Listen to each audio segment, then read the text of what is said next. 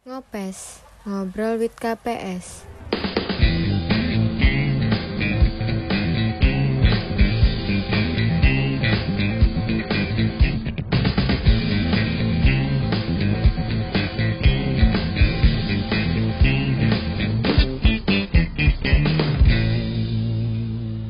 Halo, selamat pagi, siang, sore, dan malam para listener dan pendengar podcast di seluruh dunia. Kembali lagi bersama program kerja dari Divisi Internal KPS Bela Negara, yaitu Ngopes, Ngobrol with KPS. Saya, Adjan Imam Ramadan, akan memandu Anda untuk mengkepo-kepokan bintang tamu di episode kali ini. Dan di episode kali ini kita kedatangan bintang tamu yang mungkin tidak ada di organisasi lain ya divisi ini ya. Karena dari namanya saja ini sudah unik kayak lagunya Pamungkas, One and Only. Siapa lagi kalau bukan divisi latihan dan pengembangan. Monggo Mas. Oke, eh, makasih eh, Adrian Imam. Oke, perkenalkan nama saya Imron Rosadi. Saya dari Divisi Latbang. Saya di sini sebagai eh, Kepala Divisi Latbang. Saya dari Angkatan 18. Oke, terima kasih. Ya, terima kasih Mas Adrian. Perkenalkan nama saya Syahrul Hafid angkatan 2018. Saya dari Divisi Latihan dan Pengembangan dan saya sebagai Kepala Bidang Pemberkasan. Terima kasih. Baik, baik. Ini kita sudah lama nggak ketemu ya ini ya. Lama nggak ketemu. Ya mungkin waktu ospek mungkin terakhir ketemu kita ya. Iya, bisa jadi. Tapi kemarin perasaan kemarin. Perasaan barusan kemarin ya. Ini tanya Mas, ini kesibukan Mas akhir-akhir ini apa? Eh, untuk kesibukan saya sendiri sih itu apa? Saya eh, magang PKL profesi di KPU Surabaya. Oke, kalau Mas Sarul kesibukannya akhir-akhir ini apa? Ya, karena kita satu semester ya paling ya juga sama-sama magang dan saya magangnya di Pengadilan Militer 312 Surabaya. Oh, oke oke oke. Eh, kalau boleh tahu Mas Imron dulu ya, Mas Sarul ya. Ya, Mas. Imron, untuk kan sudah semester berapa? Semester 6 berarti ya? Iya, semester 6 saya. Sudah semester 6 berarti sudah mengambil konsentrasi. Oke, sudah. Sudah. Konsentrasi apa yang diambil sama Mas Imron? Eh, untuk konsentrasinya saya ngambil konsentrasi HTN, Hukum Negara. Waduh.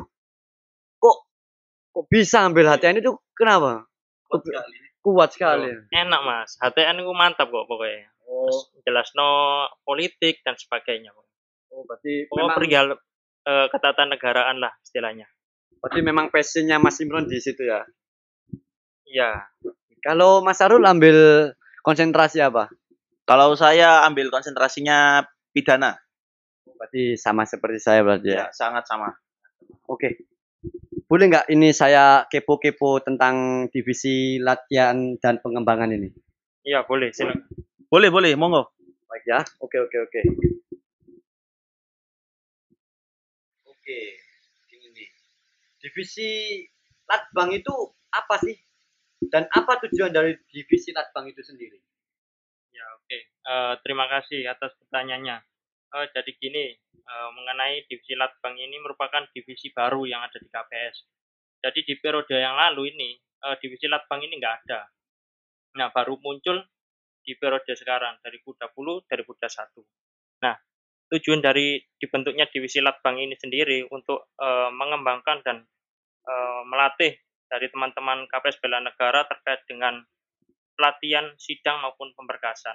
Jadi fokus utama kita ini terkait dengan pemberdayaan SDM-nya, SDM dari KPS Bela Negara. Itu. Iya, iya, iya. Dalam divisi Lakban sendiri ini kan bertugas dalam persidangan dan pemberkasan ya. Bagaimana sih cara menghandle-handle tugas dalam persidangan dan pemberkasan tersebut? Apakah mungkin ada kayak pembagian tugas-tugas itu?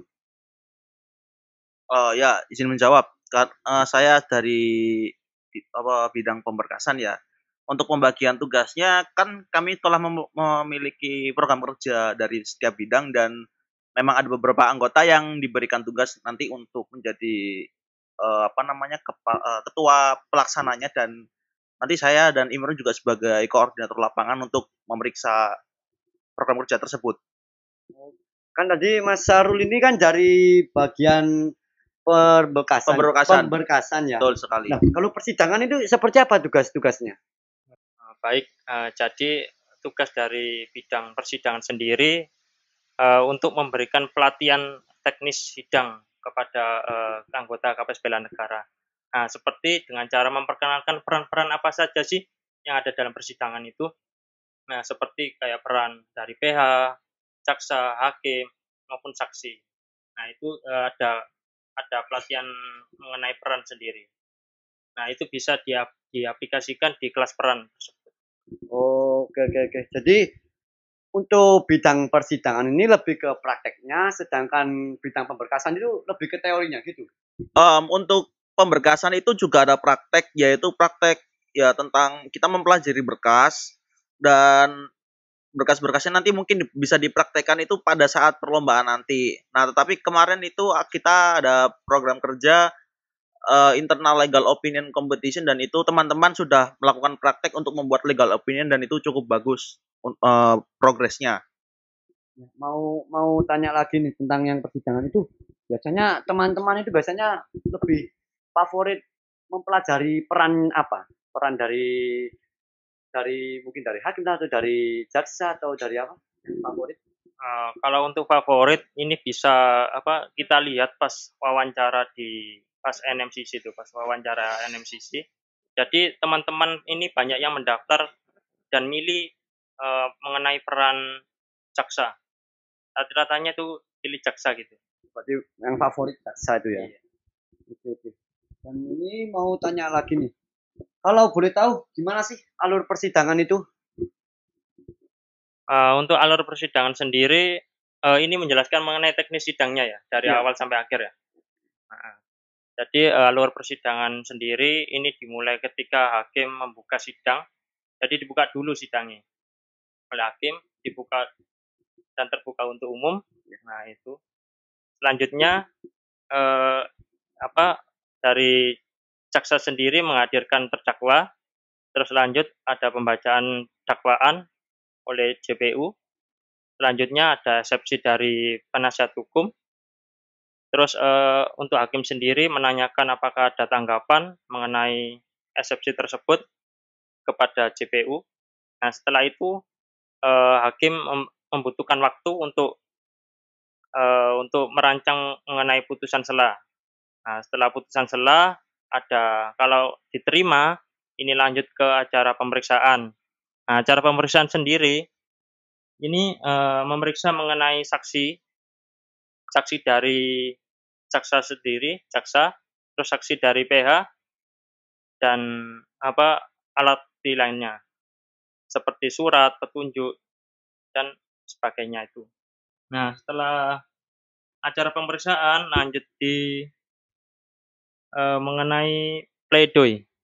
Nah, pledoi dari penasihat hukum Oke, selanjutnya ada replik, ada duplik, dan sampai putusan. Seperti itu. Kalau untuk dari teknis sidangnya sendiri. Oh, ini saya penasaran kok, Mas Imron ini kok bisa sampai hafal itu berarti pernah di sidang ya berarti Mas Imron ini? Oh, oh ya bukan pernah di sidang lah. Karena kalau di sidang kan saya jadi terdakwa lah. Kan berarti Iya. masih mahasiswa Mas ya. Iya, masih mahasiswa. Kan saya juga dulu itu alhamdulillah juga pernah mengikuti NMCC di UI. Dan dan ada sidang lagi mengenai kayak sidang militer dan sebagainya itu. Praktek sidang ya? Iya. Oh, oke oke oke. Sudah praktek sidang militer juga. Dalam persidangan ini kan banyak berkas berkas berkasnya kan, Mas. Nah, berkas tersebut itu apa aja sih? Karena saya tahu saya pemberkasan itu ada dua ya. Litigasi sama non litigasi. Benar nggak Mas? Arun? Ya, betul sekali. Nah, itu bisa nggak dijelaskan apa itu litigasi dan non litigasi? Ya, izin menjelaskan ya. Untuk non litigasi itu merupakan berkas yang dibuat pada saat sebelum persidangan dan itu eh, seperti penyelidikan terhadap tersangka yang dituju itu Em, dan itu dilak, dikerja di apa dibentuk itu oleh kepolis, eh, kepolisian dan kejaksaan. Sedangkan untuk litigasi itu berkasnya dibentuk untuk persidangan ya dan dibentuknya oleh jaksa hakim dan penasihat hukum. Seperti itu yang saya ketahui. Kan ini berarti non litigasi dan litigasi ini dibuat untuk NMCC ya biasanya ya. Ya betul NMCC. Kan kemarin itu di episode sebelumnya saya pernah tanya sama bintang tamu saya bahwa perlombaan di KPS itu ada ya, NMCC dan CMCC. Nah, untuk CMCC itu pemberkasannya beda memang. Ya beda beda dari lomba yang NMCC. Perbedaannya apa sih, Mas, dari NMCC itu? Kalau NMCC kan berkasnya ada dua itu non litigasi dan berkas litigasi. Kalau CMCC Constitutional Moot Court Competition itu berkasnya ada dua yaitu berkas permohonan dan berkas termohon. Kalau menurut Mas Sarul ya, ini lebih susah yang mana? NMCC atau CMCC pemberkasannya? Sama-sama susah karena memang sama-sama belajar juga. Oh, oke oke. Dan ini saya minta tipsnya dari Latbang ya, divisi Latbang sendiri untuk membuat berkas itu yang harus diperhatikan apa saja sih agar membuat berkas itu menjadi benar? Em, ini menurut saya ya, kalau untuk tips yang mengerjakan berkas dengan benar itu paling enggak kita tahu kronologinya seperti apa, kasus posisinya seperti apa, dengan fakta-fakta hukumnya juga dan mungkin format berkasnya juga harus diketahui. Mungkin Mas Imron bisa menambahkan Ya silakan Mas Imron. Eh, untuk tambahan saya sih eh, mengenai tips dari mengajukan berkas itu yang terutama itu adalah kekompakan dan kerjasama tim. Nah itu yang paling penting karena berkas sendiri eh, ini kan banyak sekali ya. Apalagi NMCC ada berkas non litigasi dan litigasi. Nah itu apabila kita tidak ada eh, tim kerjasamanya, ya bagaimana untuk menyelesaikan berkas ini? Nah seperti itu. Oke, baik baik baik. Untuk divisi Latbang ya, program kerja apa saja sih sudah dijalankan dan yang akan dijalankan oleh divisi Latbang satu periode ini? Nah, untuk program kerja sendiri dari Divisi Latbang ini sudah menyelenggarakan dua program kerja. Nah, yang pertama ini ada kelas peran, terus yang kedua ada internal legal opinion competition. Nah, untuk program kerja ke depannya ini ada yang namanya review kelas 1 dan review kelas 2. Nah, untuk review kelas 1 ini mengenai apa? eh, penjelasan mengenai berkas MK dan untuk yang review kelas 2 ini mengenai berkas yang NMCC. Oh, oke oke oke. Eh, tunggu tunggu Mas. Tadi kan Masnya tadi menjelaskan tentang ilok ya. Ilok itu apa sih Mas? Kok baru dengar juga ini? Ya, untuk internal legal opinion competition itu merupakan program kerja dari divisi pelatihan dan pengembangan yang ditujukan kepada seluruh anggota KPS bela negara eh, dalam pelatihan membuat legal opinion. Jadi kami mengonsep pemberian materi legal opinion terlebih dahulu oleh dosen dari Fakultas Hukum UPN Veteran Jawa Timur. Lalu te- teman-teman diberikan tugas untuk membuat legal opinion yang sudah diajarkan oleh pem- eh, pemateri sebelumnya seperti itu. Oh, jadi kalau misal misal ya ada ada mahasiswa yang mahasiswa dari KPS bela negara ini yang legal opininya paling bagus itu mendapatkan hadiah gitu berarti ya. Ya ada hadiahnya waktu itu. Ada. Wah, rugi sekali yang nggak ikut berarti ya ini ya. Kalau untuk kelas peran itu apa sih kelas peran itu? Ya, untuk kelas peran ini merupakan eh, program kerja sendiri dari Divisi Latbang khususnya di bidang pelatihan sidang. Nah, jadi eh, untuk tujuan dari utama eh, kelas peran ini untuk melatih teman-teman dari anggota KPS Bela Negara eh, mengenai pelatihan teknis sidang. Nah, dengan cara memperkenalkan peran-peran apa saja yang ada di persidangan itu sendiri. Dari untuk memperkenalkannya itu dari mungkin dari seniornya atau mungkin dari alumni atau mengundang bintang tamu dari mungkin dari instansi-instansi negara gitu. Nah, untuk yang kemarin di kelas peran itu eh, narasumber dari kami itu dari alumni dari KPS sendiri. Jadi alumni dari KPS ini kami undang untuk menjelaskan mengenai peran-peran apa saja yang ada di persidangan. Baik, baik, baik. Selama kepengurusan dari divisi Latbang sendiri ya, apa saja sih kendala-kendala yang dihadapi selama ke kepengurusan ini berjalan seperti menjalani proker itu mungkin ada kendala-kendala seperti itu. Eh, untuk kendalanya sendiri sih lebih ke itu sih, apa mengenai eh, ini kan ko- kondisinya kondisi pandemi. Nah, jadi kan sebenarnya di program kerja kami ini membutuhkan yang tatap muka. Jadi yang awalnya offline ini menjadi online. Nah, seperti halnya di kelas peran ini. Nah, kelas peran ini kan eh, praktek persidangan itu seperti apa. Nah, itu dijadikan online. Nah, akhirnya ya kayak webinar kemarin itu. Webinar mengenai kelas peran. Itu tadi tentang kelas peran ya kendalanya. Kalau untuk ilok kendala, kendalanya apa saja sih? Untuk internal legal opinion competition kendalanya sama seperti kelas peran yaitu tidak bisa tatap muka ya. Jadi em, untuk pemberian materinya jelas secara online dan ya seperti webinar seperti itu dan teman-teman mengerjakan berkasnya juga secara online di rumahnya masing-masing dan nanti dikirim melalui Gmail atau Google Drive. Eh, kalau saya lihat dari kendala tersebut ya, apa sih apa ya tips untuk meminimalisir program kerja se- tersebut berjalan dengan baik dan menutupi kekurangan itu? Untuk tips yang pertama karena kita menggunakan aplikasi jadi paling enggak kita mencari kualitas aplikasi yang baik agar terhindar dari permasalahan terutama di bagian teknis ya di bagian teknis server lalu yang kedua juga meminimalisir pengeluaran juga. Jadi kalau emang ada sesuatu hal yang tidak diperlukan lebih baik tidak perlu dikeluarkan uangnya. Seperti itu.